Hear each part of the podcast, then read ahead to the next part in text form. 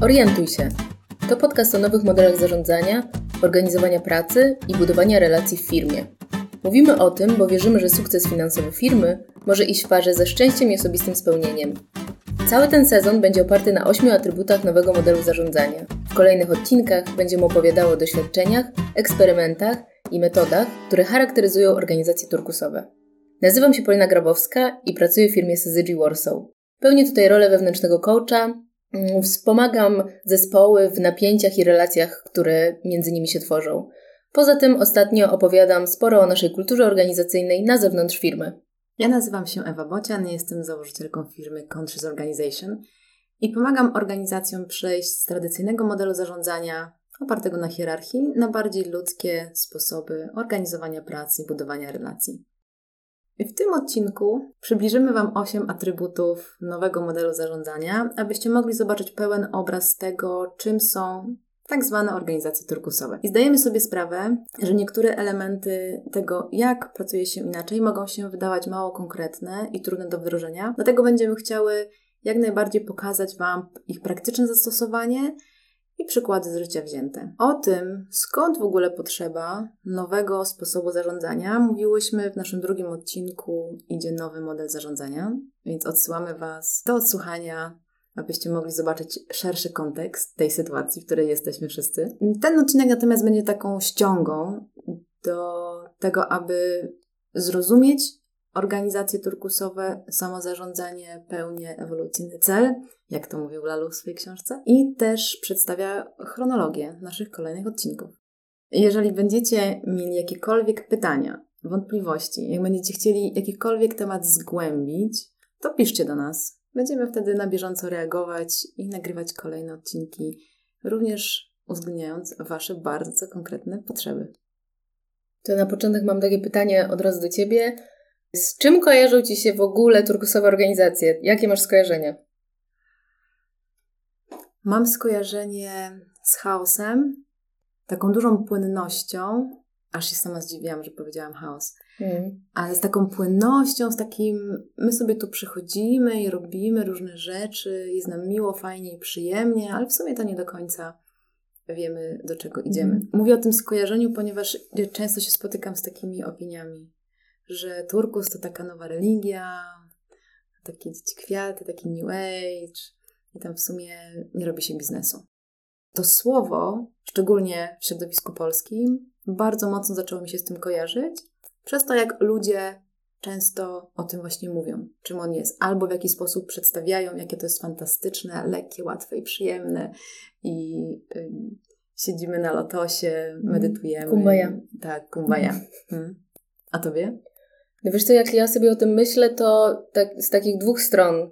Z jednej strony jako zhypowanym i już wytartym słowem, które nie znaczy nic, albo dla każdego znaczy zupełnie coś innego i to jest trochę jakiejś własnej religii każdej organizacji, z innym podejściu, ale też właśnie chaotycznym, trochę wiemy, trochę nie wiemy, właściwie co to jest, jakiś za przeproszeniem bullshit kolejny, kolejne słowo, które nic nie znaczy i jest po prostu modnym sloganem a z drugiej strony też sam musiałam przejść jakiś proces, żeby je trochę y, odrzeć z takiego myślenia y, o zupełnie innym podejściu i zmianie jakiegoś paradygmatu, czym praca jest i na jakich wartościach może być y, oparta.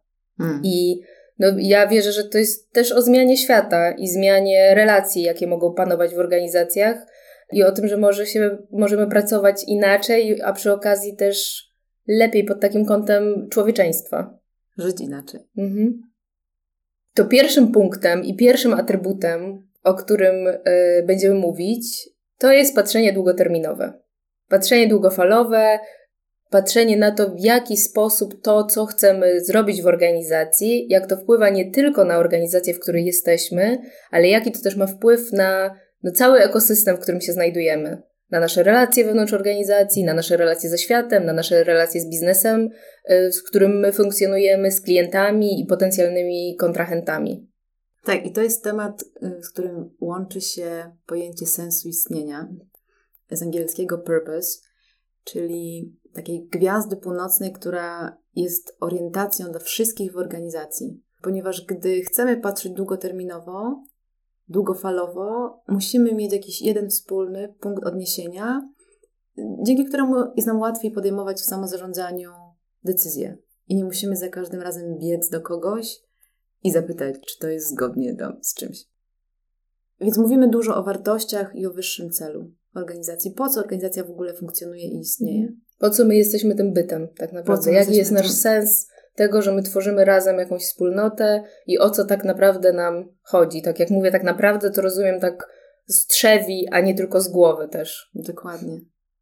I możesz poznać, że Twoja organizacja funkcjonuje zupełnie inaczej, jeżeli masz poczucie, że skupiacie się na konkretnym, szybkim celu, szczególnie finansowym, na realizacji wyników miesięcznie, kwartalnie i to jest Wasz największy fokus.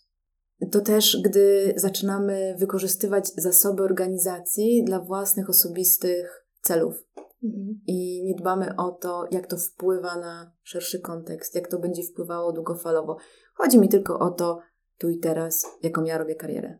I żeby tutaj załatwić te swoje interesy i te swoje i te interesy firmy, organizacji, ale pod takim mocno kapitalistycznym i finansowym podejściu. Tak. I to jest narzucanie celów, czyli mhm. nie patrzymy na to, gdzie my wszyscy, jako część tej organizacji lub jako ludzie, którzy przychodzą do organizacji, żeby swoje talenty, umiejętności, czas, pasję włożyć i stworzyć coś większego, tylko patrzymy na to, o jaki ja mam cel, narzucę innym, żeby zrealizowali to, co ja potrzebuję.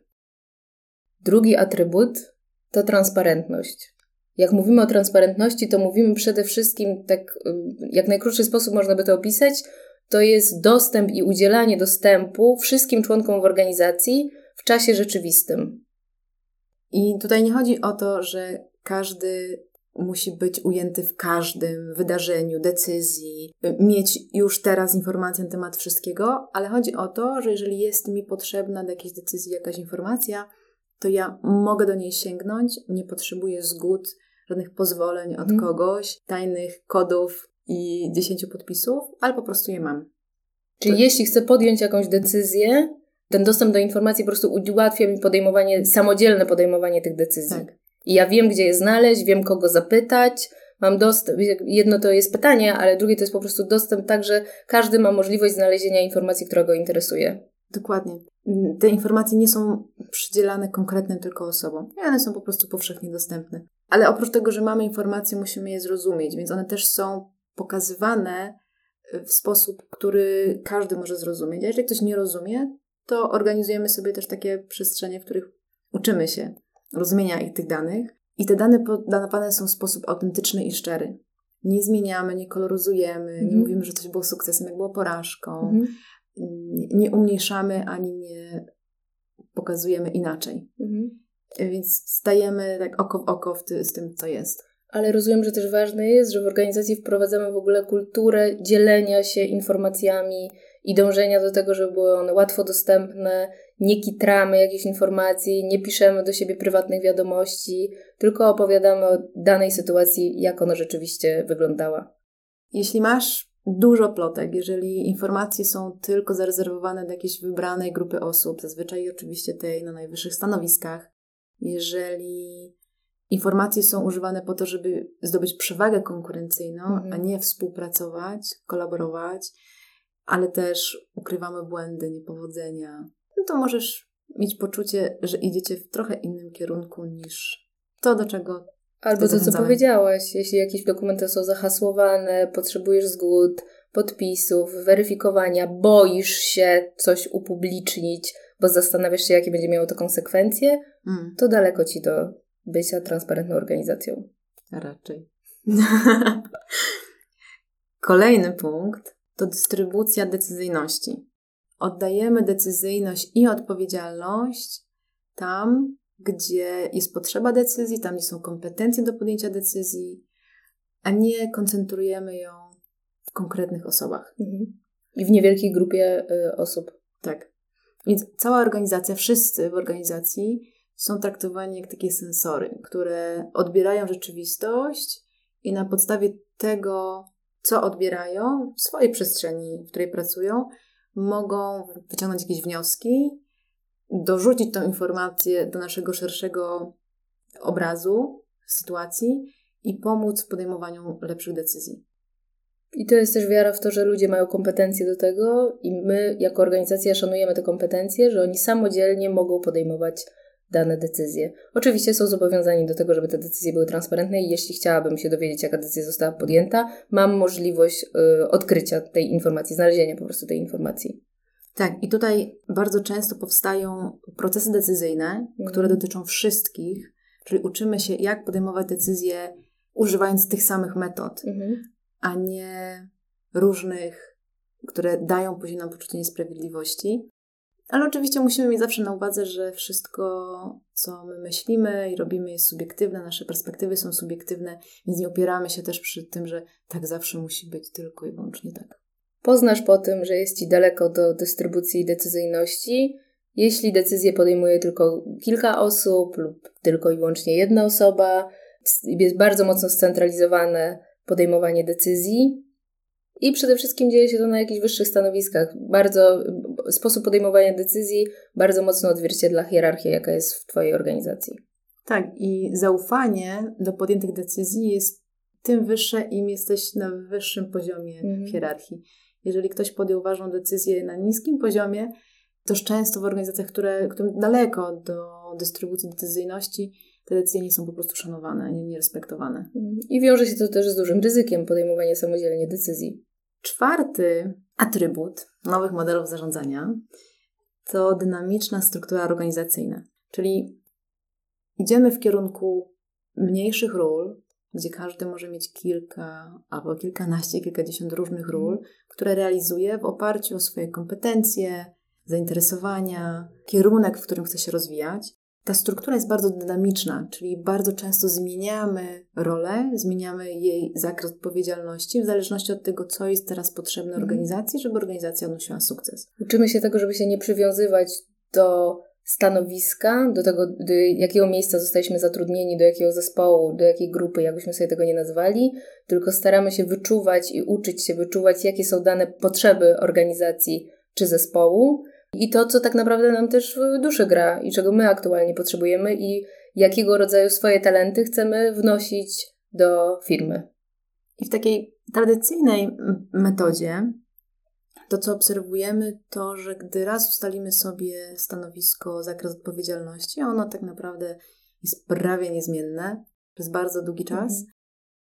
Chyba, że mamy... Pewnie w trakcie awansów może tak. się to trochę zmienić, chociaż pewnie też awansów, podwyżek, zmiany działu może gdzieś w organizacji, gdy przychodzi nowy pracownik, to wtedy rzeczywiście patrzymy na te zakresy, ale to jest coś, co się wrzuca do mhm. szuflady i nikt się tym dalej nie zajmuje. Też tak pomyślałam sobie, że, ta, że decyzja o zmianie Twojego mm, zakresu obowiązków czy kompetencji wychodzi z zewnątrz, czyli kiedy zmienia się struktura, to Ty wtedy masz możliwość na jakąś zmianę swoich odpowiedzialności. W takiej dynamicznej strukturze nie dzieją się jakieś rzeczy zewnętrzne nie, ktoś z, poza Twoją strefą kontroli podejmuje decyzję, hmm. tylko jest to bardziej organiczne i Ty masz bardzo duży wpływ na to, co, czym aktualnie się zajmujesz. Tak, i w tradycyjnym modelu patrzymy na to, co być powinno, co my powinniśmy robić, a nie na to, co jest. Mhm. Jest teraz nam potrzebne. Nawet jeżeli to będzie potrzebne na miesiąc mhm. i potem to zmienimy. Kolejny atrybut to wolność i zaufanie. No i tutaj przede wszystkim organizacje, które inaczej pracują, uczą się, jak traktować siebie nawzajem, jak dorosłych, mhm. nie jak dzieci, którym nie wolno ufać, bo przecież się nie znają, nie potrafią, nie wiedzą. Których decyzje będą bardzo ryzykowne, nie wierzymy w, we tak. własne kompetencje, wierzymy tylko w jakąś jedną konkretną osobę, która może podejmować takie decyzje ale bardzo też mocno się opieramy i uczymy się patrzenia, że ludzie potrafią, że mają dobre intencje, mm. że chcą zrobić najlepiej, jak potrafią, a jeśli pojawią się jakieś konsekwencje, to wszyscy wierzymy, że ufamy sobie, że będziemy je naprawiać. To wszystko opiera się na bardzo dużej potrzebie człowieka, każdego człowieka do autonomii, mhm. za to, co robi, jak robi, za decyzje, które podejmuje, bo dzięki temu może mieć też motywację do tego, aby działać dalej. I organizacje, które pracują inaczej, bardzo mocno skupiają się na tym, żeby tą autonomię respektować i co najwyżej wprowadzać formy dawania sobie feedbacku po to, żeby dać komuś informację, czy to idzie zgodnie z tym mhm. długofalowym kierunkiem. Czy coś należałoby zmienić. Tak, czy coś należałoby zmienić. I to, co jest jeszcze bardzo ważne, że wolność i zaufanie pomaga w takich organizacjach zwracać szczególną uwagę, jak ważny jest proces uczenia się i popełniania błędów, bo dzięki temu też dynamicznie możemy reagować na nasze aktualne potrzeby, dynamicznie zmieniać strukturę, przypisywać odpowiednie role. To wszystko wspiera bardzo ten proces, który dzieje się wewnątrz e, organizacji. I takim no, zaprzeczeniem wolności i zaufania w organizacji jest kontrola. Jeżeli kontrolujemy, to znaczy, że nie dajemy wolności, nie ufamy. Nie da się robić jednego i drugiego. Zazwyczaj kontrolujemy takie rzeczy jak czas pracy, wydajność, co ludzie robią, kiedy robią, jak robią, z kim robią, mhm.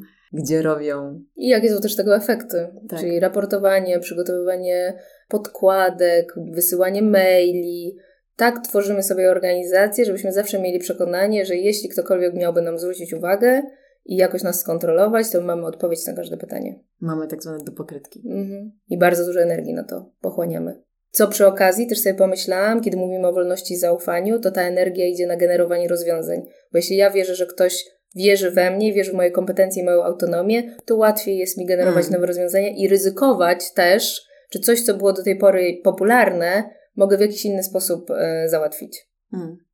I to wszystko bardzo płynnie łączy się z przejściem do tak zwanego świadomego przywództwa. Mhm. Czyli... Mam poczucie, że to już jest taki bardziej popularny, e, popularny zwrot. Tak, często mówi się o służebnym przywództwie. Mhm. Ja nie lubię tego podejścia, mhm. tego, tej nazwy. Mhm, mhm z tego powodu, że ona trochę nas wrzuca w kolejną skrajność. Kiedyś byłem tym, który narzucał, teraz jestem tym, który służy. Mhm. A tu chodzi bardziej o to, żeby być partnerem. Gdy mówimy o świadomym przywództwie, mówimy przede wszystkim o braniu pełnej odpowiedzialności za to, jak kreujemy sobie tą rzeczywistość w organizacji, jak reagujemy na to, co się pojawia. Mm, ja mam jeszcze też taką myśl, że to, to służebne przywództwo kojarzy mi się bardziej, to o tym mówił Lalu, z tym poprzednim modelem zarządzania, czyli bardziej zielonym, a przy okazji to służebne przywództwo nadal dla mnie jest trochę jakiejś hierarchii, bo świadomie przywództwo jest o tym, że każdy w takiej organizacji turkusowej jest jakim, jakiegoś rodzaju przewodnikiem w tych swoich kompetencjach, w tych swoich obszarach, czy swojej roli i ta samoświadomość pozwala mi na czy to generowanie nowych rozwiązań, czy tworzenie takiego środowiska,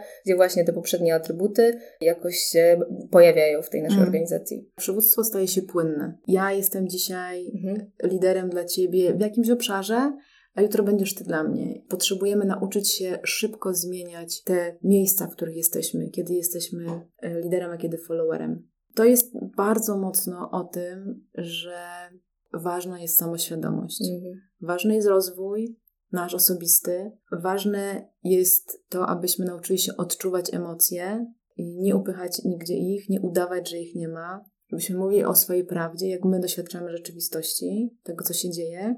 Im bardziej jesteśmy szczerzy i autentyczni, tym bardziej możemy pozytywnie wpływać na to, co się dzieje mhm. wspólnie. To jest też o tym, aby praktykować zabawę, to, że to nie musi być ciężka robota po 16 godzin dziennie. To może być mniej pracy, ale bardziej efektywna, intensywna, mhm. ponieważ ona nas będzie karmić, a nie będzie z nas drenować energię.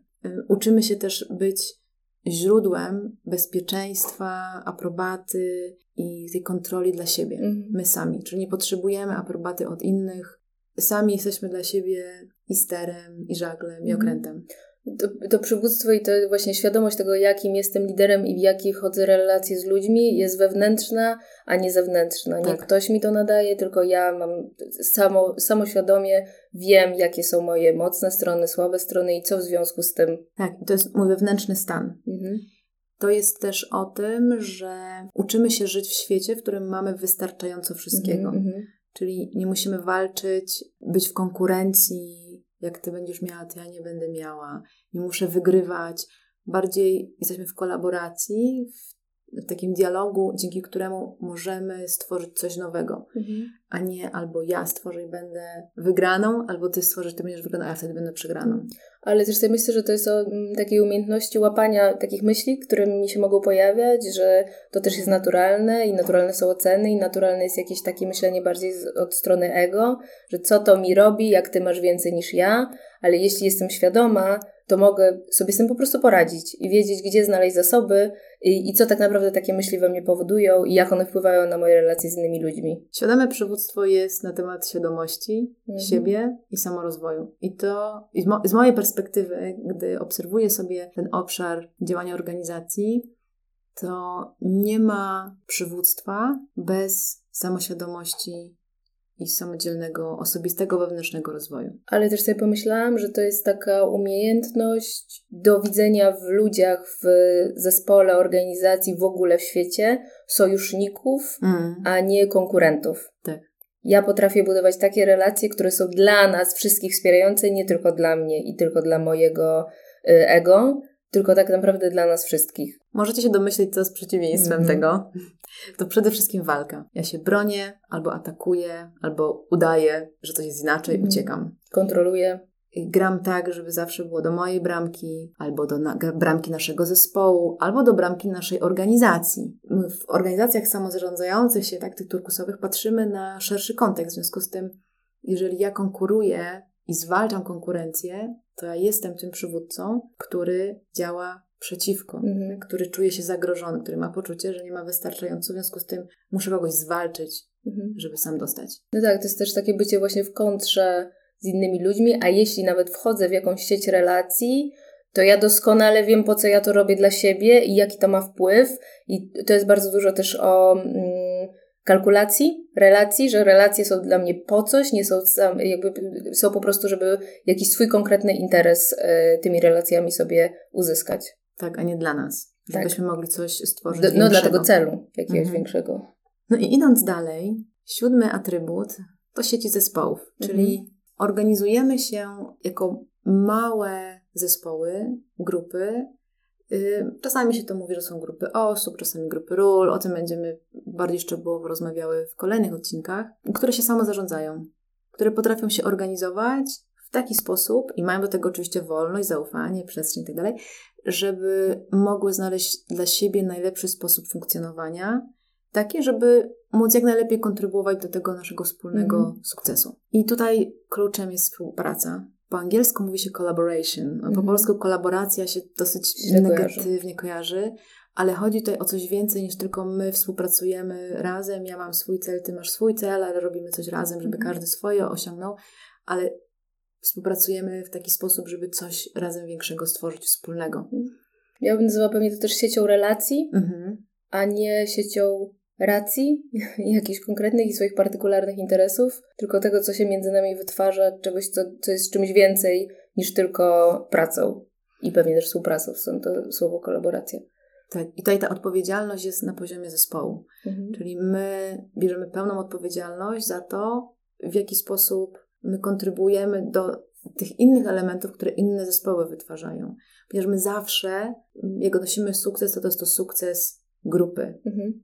To nigdy nie jest sukces jednej osoby, która zrobiłaby to sama, gdyby nie miała tego całego pozostałego zaplecza. Więc widzimy to, jak ten łańcuszek wartości przepływa i w jaki sposób my musimy razem, czy to w zespole, czy to pomiędzy tymi zespołami autonomicznymi, współpracować. I taką bardzo zaawansowaną formą są firmy, które złożone są tylko i wyłącznie z zespołów, które są osobnymi jednostkami pod każdym względem. Mają swój Mhm. budżet, swój biznesplan i współpracują z innymi częściami organizacji, tak jakby były osobnym podmiotem. Mhm. Niezależnym. Niezależnym. Niezależnym, Mhm. bardziej niezależnym podmiotem. I to, co jest po drugiej stronie, kiedy nie mamy sieci zespołów, to przede wszystkim zależność hierarchiczna, bardzo szeroko zakrojone sieci, hierarchii, zależności od, z góry na dół.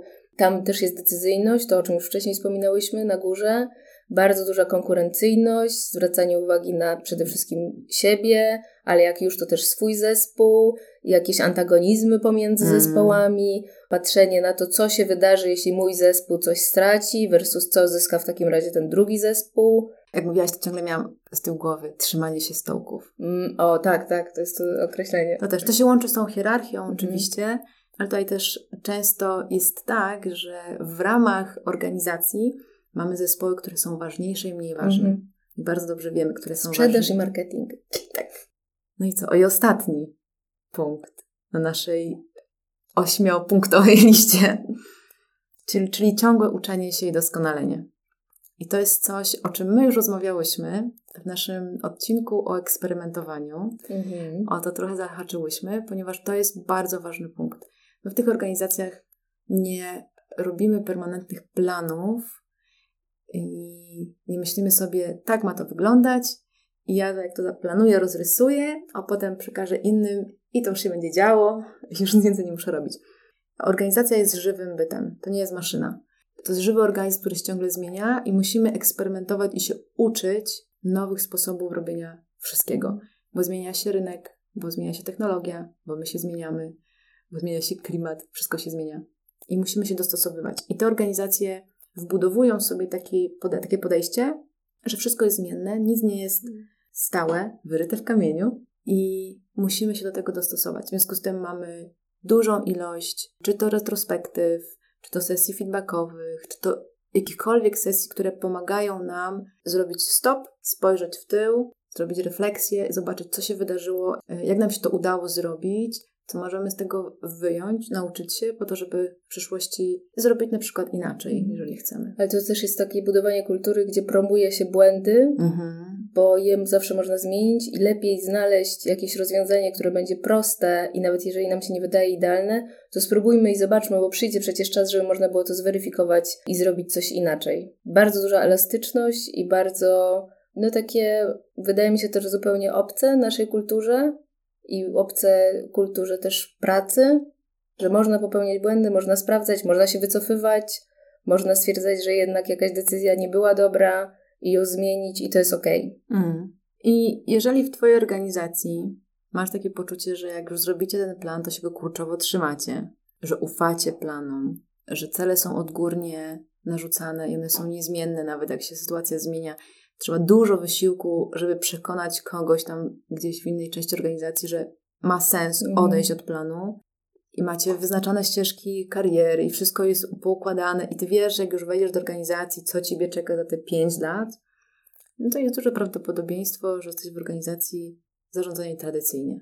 I tutaj znowu promowane jest niepopełnianie błędów, mhm. perfekcyjne rozwiązania, jedno na długo, jedno y, bardzo efektywne, a przy okazji też jeśli mówimy, jak wcześniej były feedback, retrospektywa, etc., tutaj feedback, sesje feedbackowe są odgórnie zaplanowane, przeważnie są to jakieś oceny roczne, mhm. y, jest, jest to, są to konkretne procedury do weryfikowania tego, co się zdarzyło w naszej organizacji, co sobie zaplanowaliśmy i w jaki sposób to na nas wpłynęło. I mam taką myśl, ponieważ mm. dobrnęłyśmy do końca naszych tak, ośmiu to punktów. Wszystkie. To wszystko. O tym będziemy rozmawiały w kolejnych odcinkach y, na różne sposoby, więc zapraszamy Was do tego, żebyście y, podsyłali nam pytania i Wasze obszary ciekawości, obszary, z którymi może się zmagacie, albo może które właśnie wdrażacie. Albo które nie są jakoś jasne i z jakiegoś powodu chcielibyście dowiedzieć się więcej, to na pewno nam bardzo ułatwi też przygotowywanie kolejnych podcastów. To jest nasz plan. Jest plan. Możliwy eksperyment. Może się uda, może nie. Dokładnie. I mam taką myśl, że my bardzo często zapominamy o tym, że jako naród polski mhm. mamy pewne cechy. Jak każdy ma swoje schematy, jak każdy człowiek ma swoje schematy myślenia, funkcjonowania, swoje słabe i silne strony jak każdy zespół, jak każda organizacja, tak samo my jako naród polski mamy mm -hmm. je również, które wynikają z naszej długiej i skomplikowanej Kultury, historii. historii. I one bardzo mocno wpływają na to, jak my rozumiemy pracowanie inaczej, mm -hmm. organizacji, organizacje turkusowe, jak my się odnajdujemy w tym systemie mm, i co nam przeszkadza, co nam utrudnia wejście w to łatwiej. I zachęcam bardzo mocno do oglądania sobie tych przestrzeni, szczególnie jeżeli nasi słuchacze pracują z klientami spoza Polski, gdzie są zupełnie inne mm. historie, kultury i schematy, do zobaczenia, co nas, co nas może blokować i co może być dla nas największym wyzwaniem, największą bolączką, właśnie zrobieniu kolejnego kroku ku nowym sposobom zarządzania, organizowania, budowania relacji. Czyli kończymy zadaniem. Samoobserwacji. No to jest jedna z rzeczy, które... Do ćwiczenia samoświadomego przywództwa między innymi. Dokładnie. Organizacje turkusowe opierają się na właśnie refleksji, mhm. obserwacji, z tego metapoziomu, robienia tego zoom out i patrzenia, co, się, co tu się w ogóle dzieje. I, I analizowanie tego, po to, żeby móc zmienić organizację na mhm. taką, w której chcemy być, do której chcemy kontynuować. Bardzo dziękujemy Wam za dzisiaj.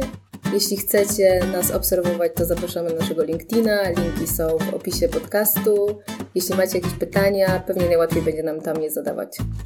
Dzisiaj tak na spokojnie mam wrażenie poszło. Nowy, w nowym roku. W nowym roku. No więc miłego i do usłyszenia. Do usłyszenia.